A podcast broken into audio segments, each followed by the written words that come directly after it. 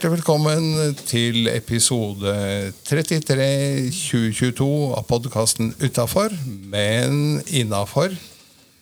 Produsert av for og med Parkinsonforeningen i Oslo og Akershus, og programledere som vanlig Serlin Erlandsen og Edgar Waldmanis.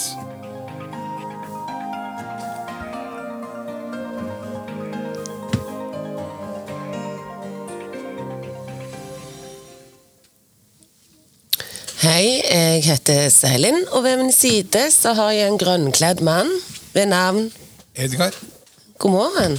god morgen. Du, jeg tenkte I dag trenger ikke du spørre hvordan jeg har hatt det, for jeg vet at eh, du har gjort en del siden sist. For du har vært på årskonferanse, stemmer ikke det? Det stemmer. Vi var 80 ca. tillitsvalgte samlet på Gardermoen i helgen. Som var Var det hyggelig? Jeg vil si det var eh, fabelaktig hyggelig. Var det god mat? Eh, litt varierende. Jeg er alltid opptatt av maten. Jeg er født sulten, skjønner dere. og sjelden på hotell eller konferanser. Så det var det viktigste for meg. Ja, det var nok mat i bøtter og spann. Vi fikk eh, fortløpende kaloripåfyll, i hvert fall. Men var det noe spesielt som skjedde? Ja, jeg kan vel innrømme det.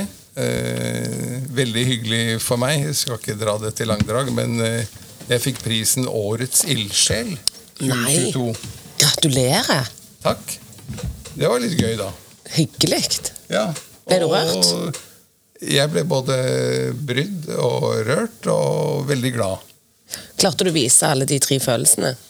Eh, Det får du spørre noen andre om. Eller skjulte du de? Nei, men det var litt gøy da at podkasten ble jo trukket eh, frem som en av årsakene til eh, pristildeling. Og du ble også nevnt. Å, herre min hatt. Nei, så bra. Det Så var hyggelig. eh, ja, det var eh, skikkelig gøy. Og det er litt morsomt da når man sitter der sånn, og en eh, prisutdeler som er hentet inn utenfra, leser fra et manus, og så er det jo først litt sånn Kall det floskler om eh, godt humør og står på. Og han sier at det er 16 nominerte. Og så tenker jeg at eh, de som blir nominert, bør vel ha godt humør og stå på. Så du tenker også, ikke Og så automatisk plutselig så snevrer han liksom inn da, og begynner å snakke om eh, han som lager en ukentlig podkast til glede for oss alle. Og da var det ikke så veldig mange igjen. Så det var gøy. Men da fikk vi gjort litt markedsføring òg til kanskje det langstrakte land. Det fikk vi absolutt. For det hadde jo vært hyggelig om vi fikk flere lyttere i andre byer. Det har vi allerede, men vi får definitivt eh, to håndfuller til etter helgen som var. Og det er gøy, for dette er jo en podkast som vi sier av for og med eh, Parkinsonforeningen i Oslo og Akershus. Men den er altså til for alle i Norge.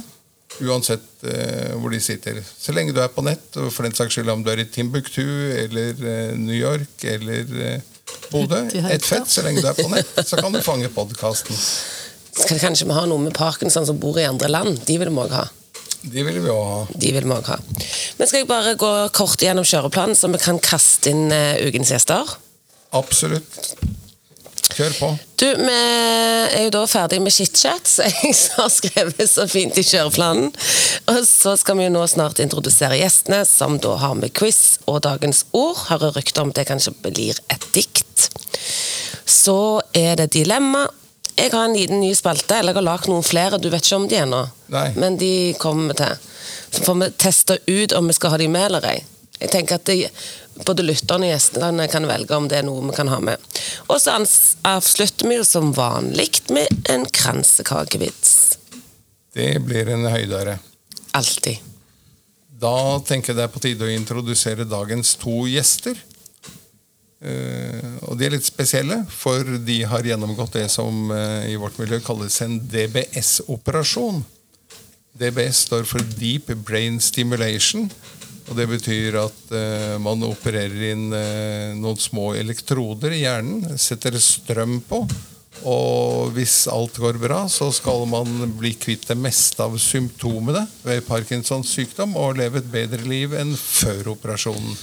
De vi har med oss, er eh, Randi Håknåsen, som ble operert for et drøyt år siden, og Johannes Haug fra komigruppa Bryl, som vi også kjenner i Parkinson-sammenheng. Og Johannes ble operert bare for noen få uker siden. Hjertelig velkommen, begge to. Takk. Velkommen. Kan ikke du begynne, Randi, siden det er du som har lengst hva skal vi si, erfaring med, med sykdommen. Hva, hva, var det som gjorde at du gikk for uh, operasjon? For jeg tenker at uh, Hvis noen skulle til å åpne opp uh, hodet mitt og begynne å operere ting inn i hjernen, så ville jeg vært litt skeptisk. Jeg var skeptisk i mange år. Men jeg hadde jo hatt parkinson i diagnosen i tolv og et halvt år. Oi. Så jeg begynte å føle meg ja, ikke så bra, kan du si. Altså De første nesten ti årene så gikk det veldig fint med medisin. Og du kunne nesten ikke si at jeg hadde sykdommen, og jeg ja, levde som vanlig. Men de siste årene før eh, operasjonen så syns jeg at det liksom gikk, begynte å gå nedover med, ja, med mange ting. Jeg vet ikke om jeg skal nevne så mye, men for eksempel eh, så var det mye vanskeligere å, å ha medisinene på riktig nivå hele tiden. ikke sant? Du kom sånn, ble sånn on-off. Um, sånn at uh, enten så var du godt medisinert, og så ble du plutselig dårlig medisinert. Og det var som å skue av en bryter. ikke sant? Så bare kunne du plutselig ikke bevege deg raskt og, og sånn som, som, du gjør til vanlig. da. Og jeg kunne ikke sitte rolig, jeg beveget meg hele tiden med ufrivillige bevegelser. Og det er kjempeslitsomt, ikke sant? for da musklene strammer seg hele tiden uten at du vil det. Pluss at det ser gjelder, gjelder det også på natten? Nei, det tror jeg ikke. Det gjelder om dagen. Ja. ja. Og det var masse Balansen var elendig. Jeg, jeg mistet balansen stadig vekk og måtte holde meg fast i et eller annet. Og føttene frøs fast, sånn at jeg falt jo kanskje en gang i uken eller sånn. hvert fall. Forover eller bakover? En... Ja, jeg ble ganske flink til å sette meg ned. når jeg skjønte at... Ja. ja, Så jeg satte meg på en måte ned uten at jeg slo meg så mye. da. Ja. ja. Men det var jo ikke, ikke, noe morsomt. Ja. ikke sant? Og skal vi se jeg kunne, Før så var jo Cinemet, som er Levadopa, min beste venn. Jeg visste at hadde jeg en Cinemet i lomma, så var jeg safe. Men etter hvert så kunne jeg ikke stole på den lenger. Og noen ganger så gikk alt veldig langsomt, og jeg kunne liksom bli redd for at jeg ikke skulle klare noe som jeg måtte gjøre. F.eks.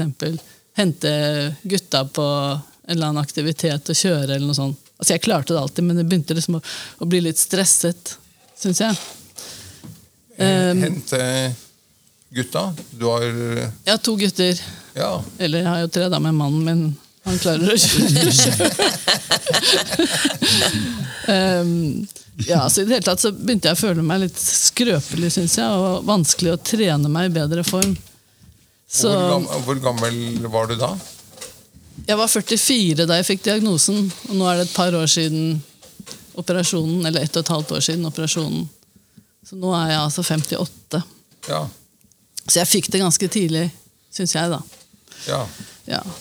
Så, så, på slutten var jeg så lei av å føle Parkinson-symptomene og føle meg Parkinson-syk at jeg sluttet å være, å, være engstelig for den operasjonen og ville bare få den unnagjort. For jeg var bare så innmari lei av å være syk. Og håpet at det skulle hjelpe med den operasjonen. Så jeg bare Ja. Jeg bare ventet på den og var fullt motivert når jeg kom inn på Riksen. Ja. Og Der besvarte du det spørsmålet du hadde på tunga. Hvilket sykehus var det? Da var det altså o ja. Oslo universitetssykehus? Rikshospitalet. Ja. ja. Mm. Så det var um, Og da hadde du full tillit til uh, de legene du traff? Ja, det hadde jeg. Ja. Jeg har truffet veldig flinke nevrologer, og også han kirurgen var jo Traff jeg en, et kvarter eller kanskje en halvtime dagen før operasjonen hvor han forklarte hva som skulle skje. Og det var på en måte beroligende, for han sa at det tok 15 minutter å plassere én elektrode. og De skulle altså ha to elektroder inn, da, og så skulle de sy inn eller få inn den vaieren som går ned til batteriet som sitter over brystet. Da tenkte jeg da kan det jo ikke være så umulig vanskelig hvis de klarer det på 15 minutter. så du, du ble betrygget av det? Ja, faktisk så gjorde ja. jeg det. Jeg tror hele operasjonen tok en time og 40 minutter. eller noe sånt da. Og da var det fullt eh... Full narkose. Ja. Men først så fester de en sånn ramme på hodet ditt, så den sitter dønn fast. Ikke sant? Skur den fast, og så ruller de deg over for å ta CT-bilde, sånn at de kan se hvordan hodet ditt er i forhold til rammen. Så det blir en slags koordinater. ikke sant? Og så kan de da mm, vite hvor de går inn med disse elektrodene og stikker dem inn på riktig sted. For da har de bilde av, av hodet inni denne rammen, så de vet hvor de er hele tiden. Ja. Så, det, mm, så den operasjonen, den var eh, ikke noe problem i det hele tatt. Den må jeg si da mm, ja. Nei, Den var helt uproblematisk og gikk veldig fint. Men Var du skeptisk til å ta håret? Om det er kanskje forskjell på kvinne og mann? Nei. Nei, det syns jeg er helt ja, Spiller ingen rolle. I- Når du, når du snakker om å operere noe inn i hjernen, og du har, er så dårlig som du er fra tolv år med Parkinson, så er det å ta håret er det siste jeg bekymrer meg om. altså. Så bra. Og faktisk så, så jeg, synes jeg så litt morsom ut. Jeg så ut som en sånn Star Jeg ikke hadde hår. Sinead O'Connor. eh. Ja, ikke sant? Et eller annet sånt. Men over til deg, eh, Johannes. Du er jo relativt nyoperert. Ja, jeg, jeg er her midt mellom første og andre Eller jeg har vært tilbake fra sykehuset og skal nå tilbake på kontroll for første gang om to uker. Ja. Og hvor mange uker er det siden du 4. oktober. Så det blir vel det. Fem, Unnskyld. eh, 4. oktober, ja. fem-seks uker Ja. siden. ja. Hva, hvordan hadde du det før operasjonen? Veldig likt som Randi sier her. Det var eh, veldig parallell opplevelse av det. Jeg også fikk det da jeg var ung, 43 år. Ja. Eller fikk diagnosen da jeg var 43. Og var nok ganske dårlig da. Og ble, hadde fullt utbytte av den medisineringen de første årene og honeymoon og alt sammen. Mm. Og så et par siste årene så butta det skikkelig. Jeg, da, jeg ble, var veldig overbevegelig. ja. Og når jeg ikke var overbevegelig, så var jeg totalt lam. Ja. Så det var liksom, da treffe den der lille båndet som var igjen øh, med medisiner, ble veldig vanskelig etter hvert. da. Ja. Når du var overbevegelig, var det bedre for deg å på en måte være i bevegelse, at du gjorde ting, eller var det bedre å, s- å sitte rolig? Jeg likte best, og jeg la meg alltid litt høyt i medisinering, for jeg syns det var bedre å få gjort noe med å være overvegelig enn å være undervegelig ofte og liksom ikke få gjort noen ting. og Ja. panikk for ikke å kunne hente barn. Og. Mm. Ja, Så den, den, det var jeg nokså tydelig på. Det som har skjedd nå sitter her i dag, er ganske overbevegelig også. Fordi jeg er satt opp med veldig lite strøm foreløpig. ja. Oh, ja. Og da, når jeg da skal være med på noe sånt og sånt dette her, så mm, tar jeg litt mm, Sikkert litt for mye medisiner, da, Manopar, og så, så blir jeg litt overbevegelig nå. Ja. Og dette er det som de skal bruke det første året på, jeg har skjønt. altså å ja. tune meg inn på et eh, strømnivå, et eh, medisin, Mm. Ja, det tar litt tid. Ja, ja. Hvor, uh, hvor mange konsultasjoner skal du ha i løpet av neste året? Nei, det, jeg skal i hvert fall til Trondheim, tilbake til St. Olav i Trondheim nå om to uker. Og så blir det kanskje en gang til der oppe, og så skal Rikshospitalet overta de vanlige. Ja, for Du opererte i Trondheim, du, da? Ja. Ja. Jeg er litt sånn at når jeg først bestemte meg, så gikk jeg rett på Da var det tre måneder kortere ventetid i Trondheim enn i ja. Oslo. Helt til jeg hadde sagt ja til Trondheim. Da ringte de fra Rikshospitalet og sa at de kunne ta meg ganske bort der også. så det, Så det lønner seg å, å gjøre det da? det, er tydelig at de betaler per pasient. Da, Ja. Staten gjør det. Så Ja. da, da var jeg veldig populær der òg. Men jeg, jeg dro til Trondheim og St. Olav og ikke angret et sekund på det. Altså. Det var en helt fantastisk opplevelse. Ja, For du òg var fornøyd der oppe? Veldig. Så begge har da gode erfaringer med begge sykehus. Det er jo det viktigste kanskje å si, da. ja. Er helt- Absolutt. Mm, jeg hadde også helt sikkert vært Jeg trodde jo hele tiden at jeg skulle ta det på Rikshospitalet. Har et veldig godt og tett samarbeid med de, både legen og Parkinson-sykepleieren og sånt nå på Rikshospitalet. Men jeg var veldig tydelig på at jeg, jeg, ble så, jeg var så dårlig da. Jeg var så lei av å være sjuk. Mm, ikke sant? Så da var jeg, om det hadde vært på i Timbuktu, eller hva som var nevnt her, så hadde jeg reist dit. altså. Ja. Kanskje det nye vi skal starte? Kom til Timbuktu. Men, men Men- selv om men- det er tidlig i forløpet, da, um, og du er litt overbevegelig nå, som du sier, er du fremdeles sånn at du ikke angrer, eller er glad for at du har gjort det, eller angrer, eller eh, Angrer overhodet ikke. Nei. Jeg, fra, gått fra, jeg, skjønte, jeg skjønte nesten ikke spørsmålet når eh, Gundersen på Rikshospitalet spurte meg om eh, du ville ikke prøve en operasjon. da. Du hadde ikke tenkt på det selv? Den tanken hadde ikke altså, Jeg, var jo, jeg har alltid vært litt sånn at det er nesten de som har parkinson. Jeg er bare litt sånn assosiert medlem av klubben. Ja, ok. Ja, men en bra holdning, da. Ja, ja. ja. Så det, da, da mm, Men, men du sa at du fikk diagnosen da du var- var 43, og nå er du 57. 57. riktig, så dere er ganske jevnaldrende. Veldig ja, parallelle. Ja. Nei, altså, det var um, Jeg dro i hvert fall oppover. ja. Og var veldig mm, Veldig, veldig god opplevelse med det. Ja, jeg møter jo en del med parkinson som er skeptiske til operasjon, så det er jo veldig fint at det her er med to pro. Operasjon. Ja. Og så er det vel noe sånn, litt sånn som du sier òg, at det er kanskje lett å være skeptisk til en blir dritlei sykdom. Altså Det er noe med at når han har kommet dit, det er litt sånn som med tannverk. At du, ikke- hvis du har tannlegeskrekk, så nekter du å gå, men til slutt så bare må du bare enten rive det ut, eller eh? Du må veie fordeler og ulemper. Og når, det, når ulempene blir så svære med å ikke gjøre det, så tenker man nei, jeg får bare gjøre det. Ja. Om det blir bedre. Hvordan er det med dere to har jobb? Du er i jobb fortsatt, eh, Randi? Ja, 40% og det er det, det vil jeg si klarer to dager i uken? Ja. Ja. For du er utdanna og jobber innen Jeg er fysiker. Men har du, har du en arbeid... Oi.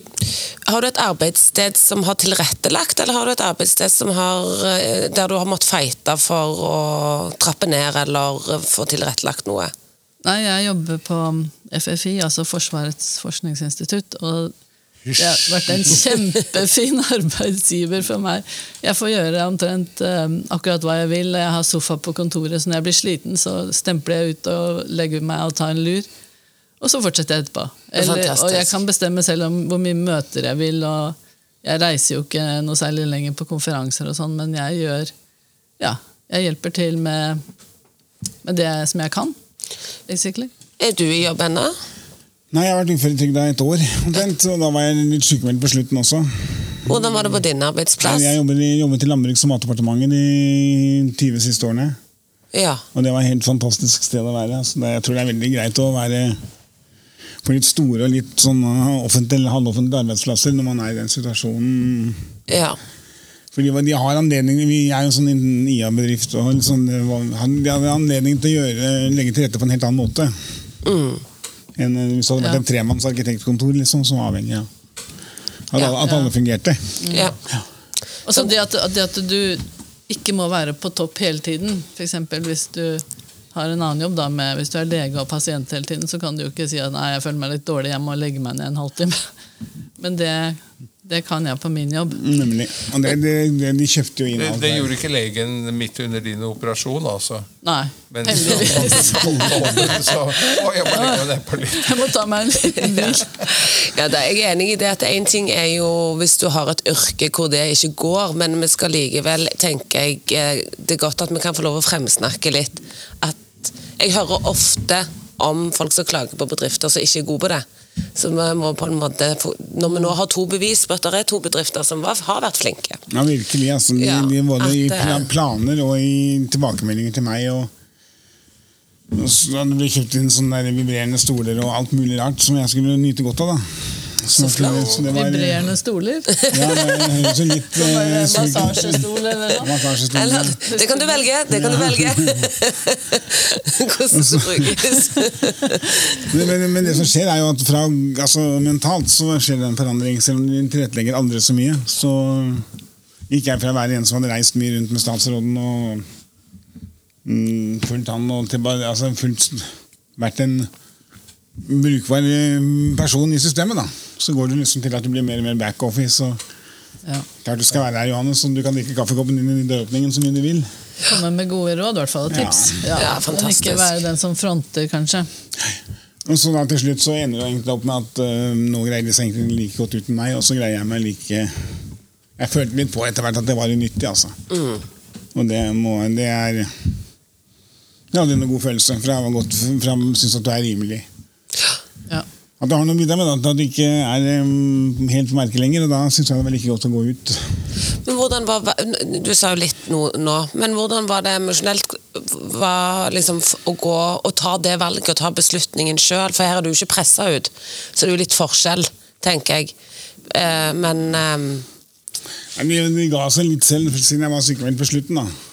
Ja. Så følte jeg liksom at det var eh, brikkene falt litt på plass. og jeg har vært, vært veldig sånn skeptisk til dette med uføretrygding og sånt. Da. Mer sånn Men omgivelsenes syn- syn på det å være uføretrygdet. Ja. Ja, Så jeg, så jeg pressa meg kanskje lange, lenge nok. At jeg kunne godt vært uh, gitt meg litt før. Og, ja, men Så bra du sier. Jeg tenker at det er litt viktig til de lytterne vi har som da ikke har tatt valget ennå, og inspirerer de da til at det, å spørre seg selv det spørsmålet. Det er jeg som er skeptisk til uføretrygd, eller er det samfunnet?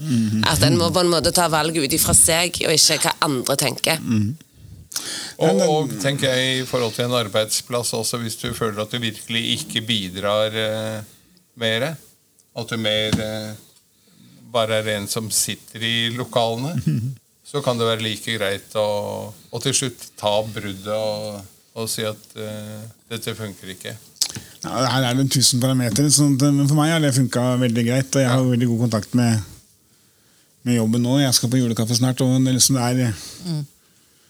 Uh, mange, Men det er litt spesielt, for mange av mine beste venner jobber altså, I Norge så blander vi jo arbeidsliv og mm, Privatliv, så, så, privatliv så, godt, så, godt- så godt vi kan. da Sånn at Veldig mange av mine beste venner eh, hadde jeg jo på jobben. Og mm, sånn så er det jo litt sånn Det er, det er kanskje den vanskeligste avgjørelsen at du kutter den der livlina til Ja, et viktig del av livet ditt. Dette var folk som gikk på kino med sammen, drakk øl sammen med helgen. Eller. Ja.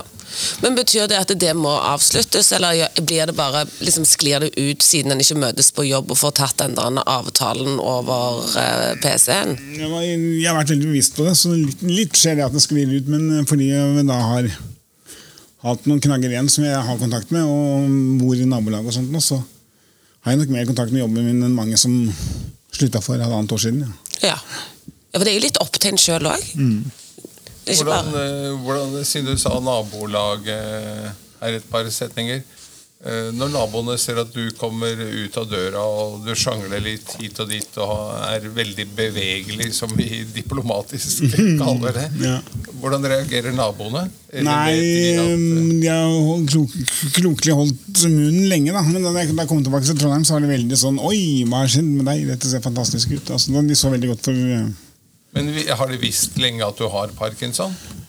Ja, jeg tror jeg har vært Norges åpneste parkinsonist. Sånn sett, sånn at jeg har um, plaga folk i alle sammenhenger med å fortelle om at jeg har parkinson. For jeg syns det er mye bedre at de tror jeg har parkinson, enn at jeg er full.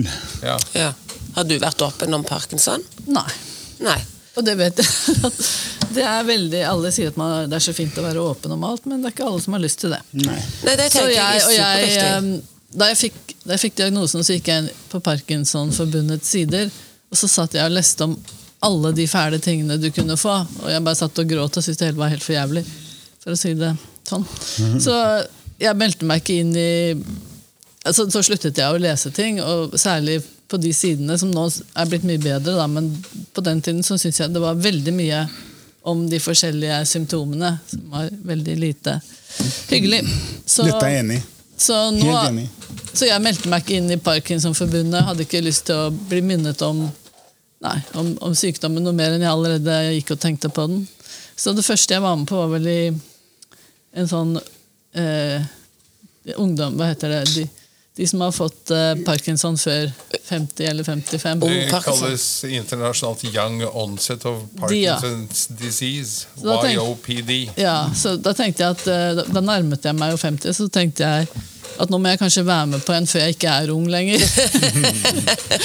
Lurt tenkt. Selv om det er vel egentlig onset, og da var jeg jo godt innenfor gruppa. Men i hvert fall så ble jeg med på et sånt seminar i 2017 på Pellestova, og det var vel første gangen jeg gjorde noe med foreningen. Da traff jeg masse hyggelige folk, selvfølgelig. Ja, det gjorde du. Ja, Og så hørte jeg om boksegruppa, så jeg ble med i boksegruppa etter sommeren i 2017. Og bokset i noen år. Men nå har jeg ikke vært der siden operasjonen, fordi jeg orker ikke. Det er, det er for, rett og slett for hardt. Og, um, ja, jeg kan komme tilbake til det, men jeg har hatt fatigue mye siden operasjonen, og det har vært ja, slitsomt, da, sånn at jeg ikke orker så mye. Ja. Ja. Men du er med på bordtennis? Eh, Ja, men det er jo ikke så hardt. I forhold til boksing er det jo ingenting. Nei, men du er veldig gøy. Veldig gøy. Ja. Og fint tilbud for oss som da ikke er i så god form og trenger å liksom bevege oss og sånn. Men jeg blir jo litt svimmel der òg. Jeg vet ikke. Ja. Yes, Det jeg har sett, så gjør du det veldig bra.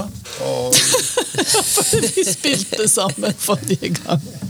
Men, men når du nevner det med fatigue, er det noe du kan gå eh, er i utredning på for å finne ut hva en kan gjøre for å få bort? Fatigue generelt sett hos andre som ikke er operert, er jo egentlig bare en kombinasjon av kosthold, rest og digest, skulle jeg si. Ja, nei, altså, de har vel De har vært litt ja, Nevrologene har ikke helt skjønt hvorfor jeg har sånn fatigue, og jeg har ikke helt skjønt det selv heller. Men eh, jeg har hatt det ganske altså, stort sett siden operasjonen. Og det er jo ett og et halvt år nå. Men det blir veldig sakte så blir det litt bedre. Men jeg vet fortsatt ikke helt om Det kan ha noe med lavt blodtrykk å gjøre, er er det siste jeg har kanskje tenkt litt på. Ja. Så, men vi har ikke funnet ut av det, og de har um, på en måte ja, prøvd og sagt at jeg, må, at jeg skal prøve å ta mer medisiner, men jeg er blitt overfølsom for Sinemett, eller Levadopa. Da, sånn at hvis jeg tar litt for mye av den, så blir jeg overbevegelig og kvalm. Ja. Så jeg har liksom kjempet meg opp til det nivået som jeg er på nå, som er selvfølgelig mye lavere enn før operasjonen.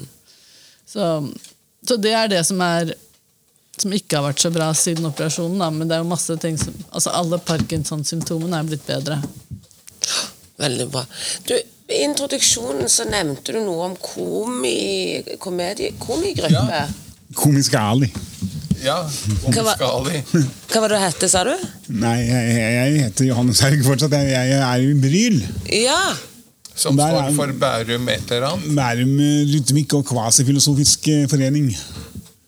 Bortimot. Ja, det, det er Olav Nausthaug er veldig sint med, for jeg aldri greier å lære meg den på vårdelsen skikkelig.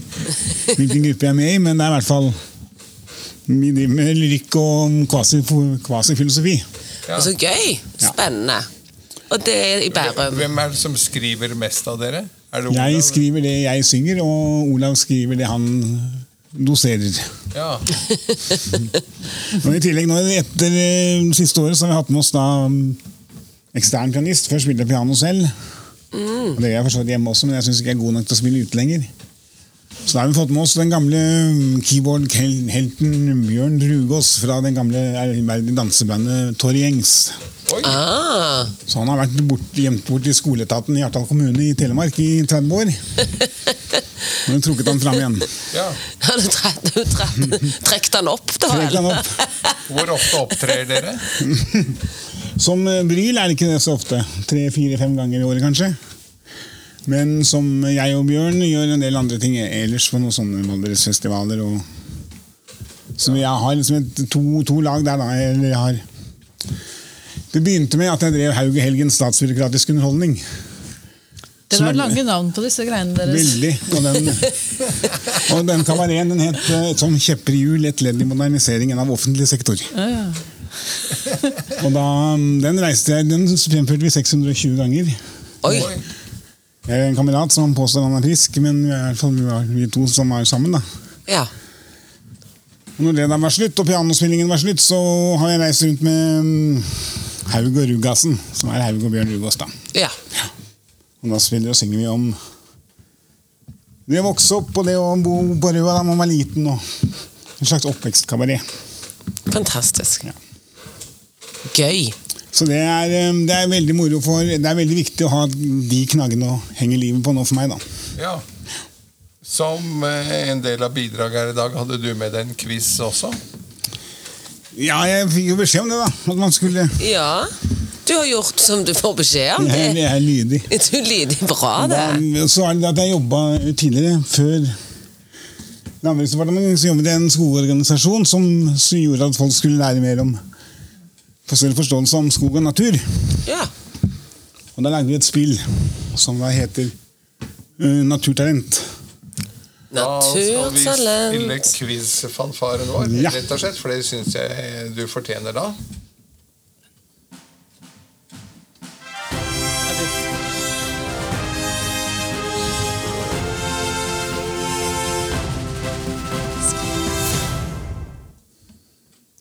Det var quiz-fanfaren, og da skal du introdusere din egen medbrakte quiz.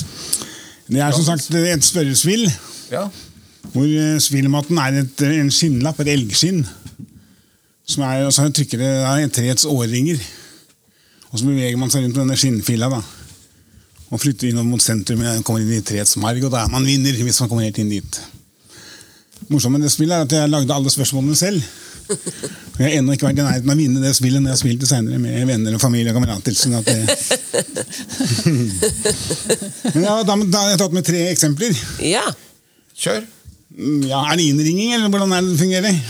Eh, Det fungerer slik at du stiller spørsmål, så er vi nå tre stykker her som svarer etter beste evne. Akkurat. Da begynner jeg med det første. Mm, Hva er det latinske navnet som mm, tre norsk bjørk tilhører? Hva heter det latinske navnet på bjørkefamilien? Og nå Oi. ser vi tre spørsmålstegn rundt bordet. Den åtte, Oi, oi, oi. Sju Har ikke peiling. Nei, ikke Jeg jeg begynner på B. Betula. Betula. Betula. Ah, Betula. Ja, Ja, selvfølgelig. tar jeg spørsmål to. Nei, jeg kunne ikke. Jeg kan petula, men det er en blome. Neste spørsmål. Nå begynner jeg å skjønne hvorfor du ikke, klarer å, ikke klarte å vinne det spillet. Det er så vanskelig spørsmål. Hva, hva, hva er ei gullhøne? En blomst. Nei, kanskje det er en sånn en bille, eller sånn marihøne, eller et Jeg eller skulle annet. til å si at det er en marihøne, ja.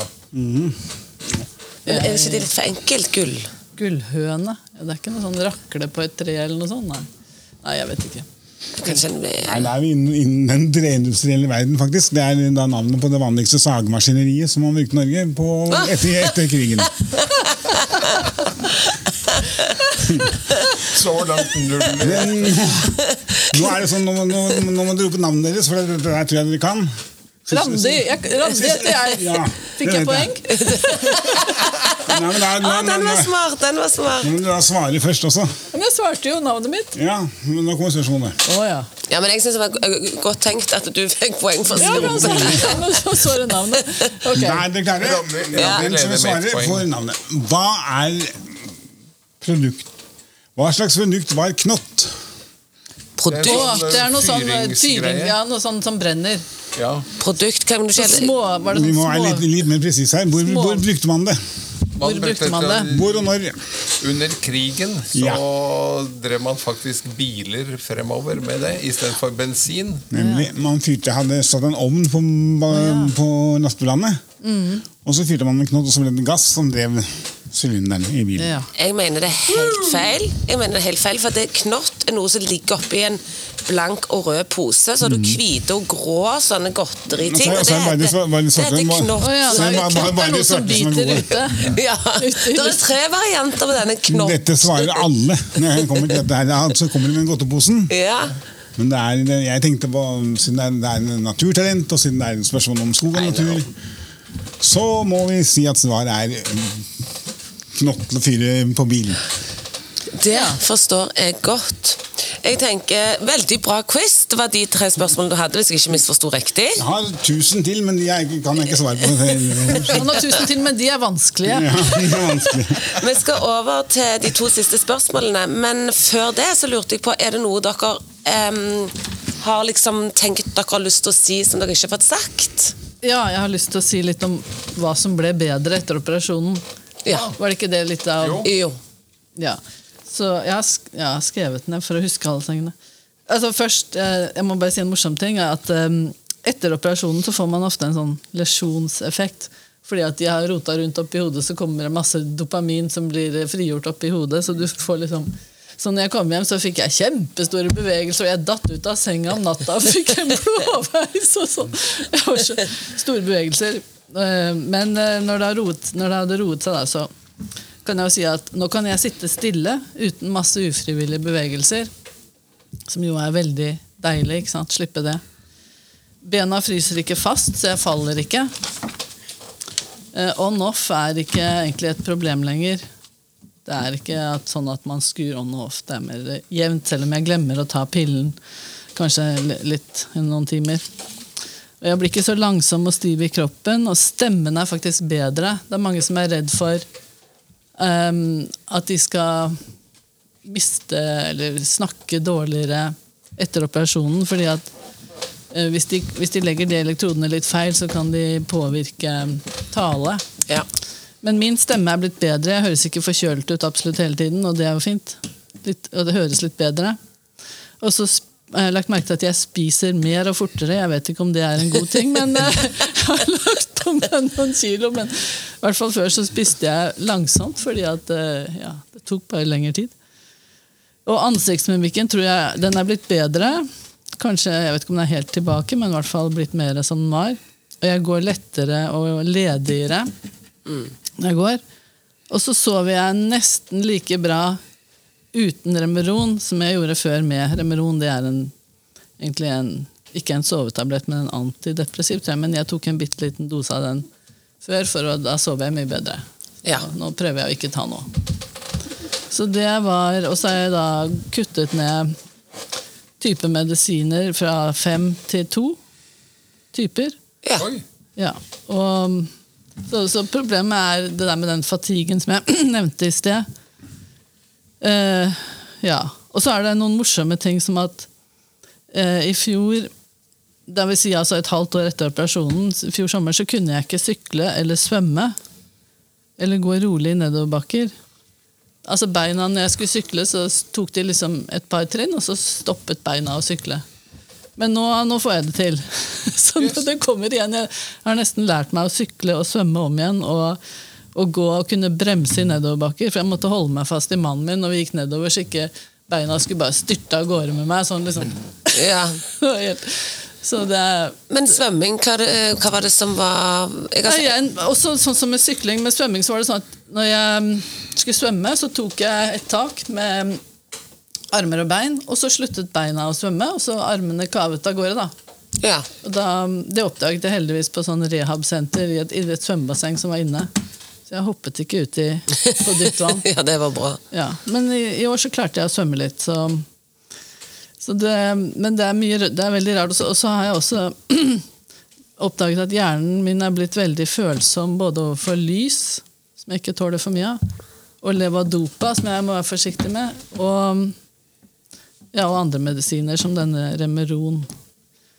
Og at jeg har litt lavt blodtrykk, som også kan være en effekt av medisinene, visstnok. Ja, for du får det med lyset med at øynene begynner å gå igjen pga. Uh, lysomfintlighet. Ja, jeg blir kjempesvimmel. Hvis jeg går ut og det er fullt sollys om sommeren, så, så bør jeg bare snu og gå rett inn igjen. For jeg blir Ja. helt sånn slått ut. Så nå har jeg fullt uh, med solbriller og um, caps, Ja. som jeg bruker på bordtennis for det er veldig sterkt lys inne i det bordtennisrommet fra taket. så, så um, ja. Så disse tingene gjør at eh, jeg, jeg håper at eh, ting folk skal fortsette å bli bedre. Sånn som eh, de har gjort. Veldig sakte, men at eh, det kommer seg.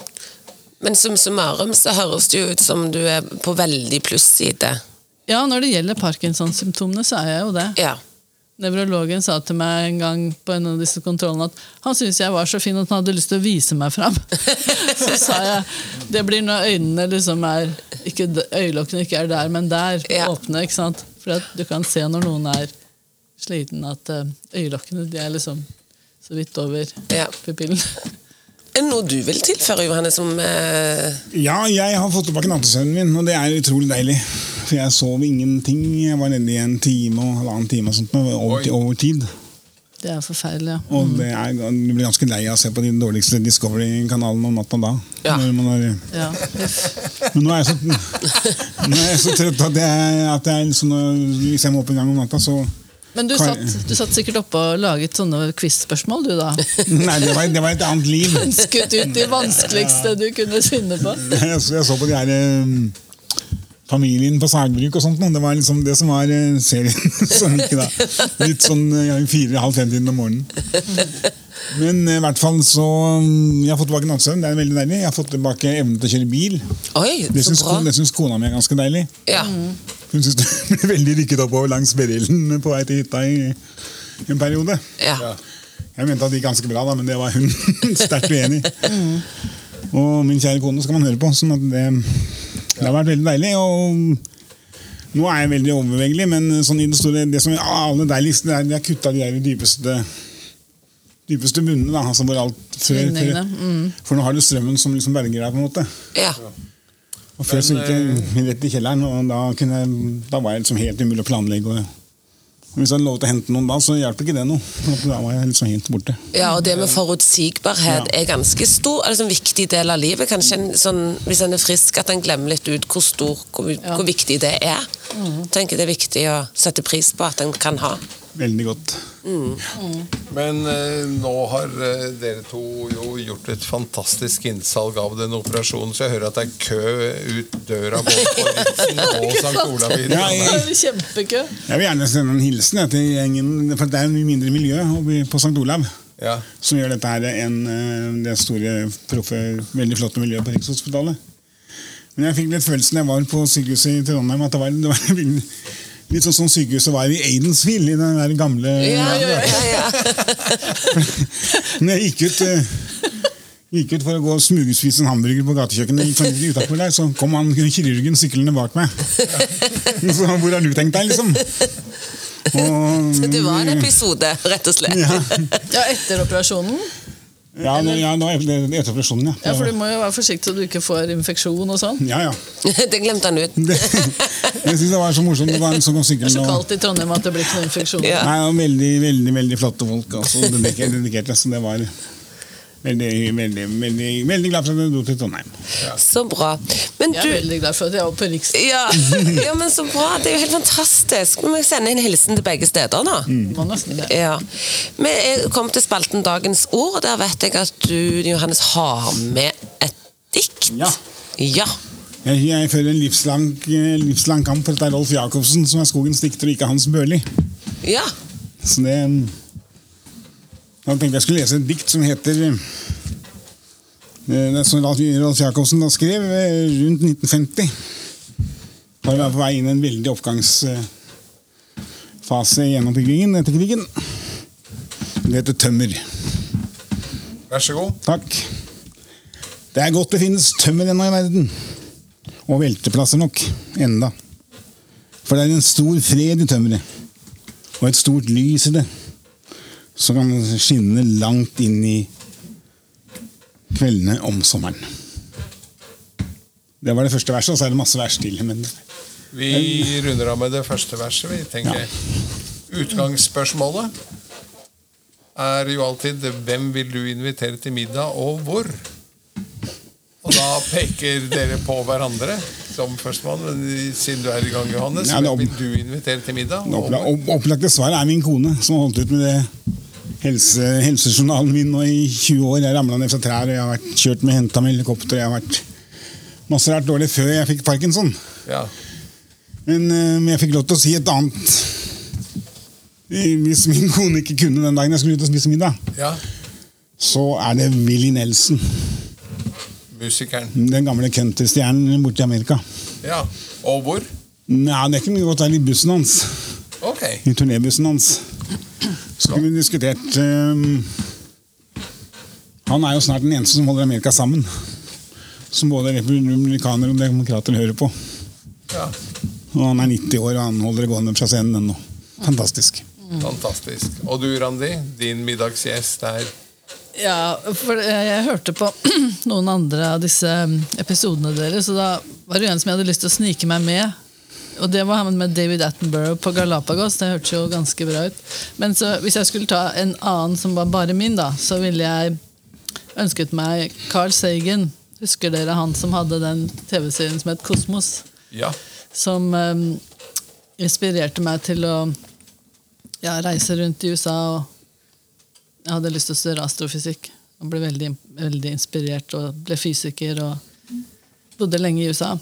Så da ville jeg ønsket meg Carl Sagen, og så tenker jeg da måtte det være på Hawaii, da, som har sånne fine uh, teleskopobservatorier uh, oppå den derre vulkanen, vulkanske fjellet der. Så det måtte bli Hawaii. ja. Carl Sagen. Deilig. Blir med begge plasser, jeg. Ja, det er bra? Man tar all, all, all, alle de som har gått før, ikke sant? Nå, nå, bor, nå bor Willy Nelson også faktisk på Hawaii. Han han, Å ja, ja, men da blir det jo alle Kan reise litt. Ja, ja, sånn. ja, da er det jo, da er det jo helt klart, da. Så bra. Da vi kom til spalten Dilemma, og så er det viktig å påpeke, fordi at eh, en kan ler av og til av dilemmaene mine, men det skal være tøysete og tullete. Men dilemmaet til dere er eh, Skal vi se Ha seks centimeter lange øyenvipper, eller ha masse hår bak på hendene. Alltid. Altså for alltid seks centimeter lange øyenvipper. Eller at du må gå rundt med hår bak på hendene. Hår bak på hendene. Du var ganske kjappe. Ja, men hvordan skal du se noe hvis du har 6 cm lange Ja, så det tenker du? Ja. Det tenker jeg. Det er nok problem med Som Nei, disse Her er vi milevis unna mine mm, evner til å svare på det. spørsmålet. Ja, jeg sier øyevipper, jeg. ja. Og hva går du for, Edgar? Jeg tror nok også jeg velger hår bak på hendene. Fremfor øyenvipper.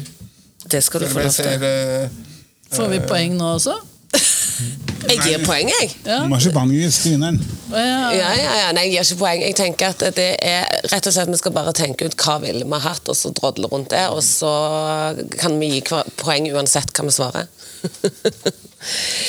Men jeg har tenkt ut noen nye spalter, for vi tenkte at det alltid, vi skal jo alltid være i fornying, meg og deg. Ja. Ja. Sånn at eh, jeg kom på at jeg kunne av og til tenkt meg, ikke alltid, men noen ganger at vi har med denne spalten som vi nå kaller for quote. Ok.